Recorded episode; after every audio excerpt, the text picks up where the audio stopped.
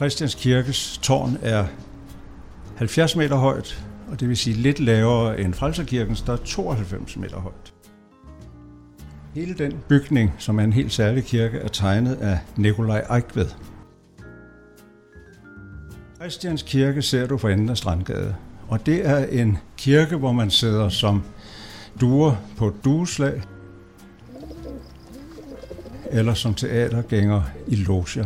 Den vender modsat andre kirker, hvor man går op igennem sådan et langt forløb op igennem kirken, så går man direkte ind mod nederst alter, så prædikestol og orgel. Det er en teaterkirke sådan i sin konstruktion. Det var en tyskerkirke oprindeligt. En soldaterkirke. Soldaterne sad på loger. Og det der fine tårn har uger, og på et tidspunkt var man så generøs i menighedsrådet på Christianshavn, at man gav det sådan noget med en 8,5 eller en 9 pære, så man lige kunne ande Men for tiden er der ikke lys. Og jeg bliver ved at prædike min prædiken lys på de vigtige bygninger. Det kan ikke passe, at de kan finde ud af det alle andre steder, og ikke her selv.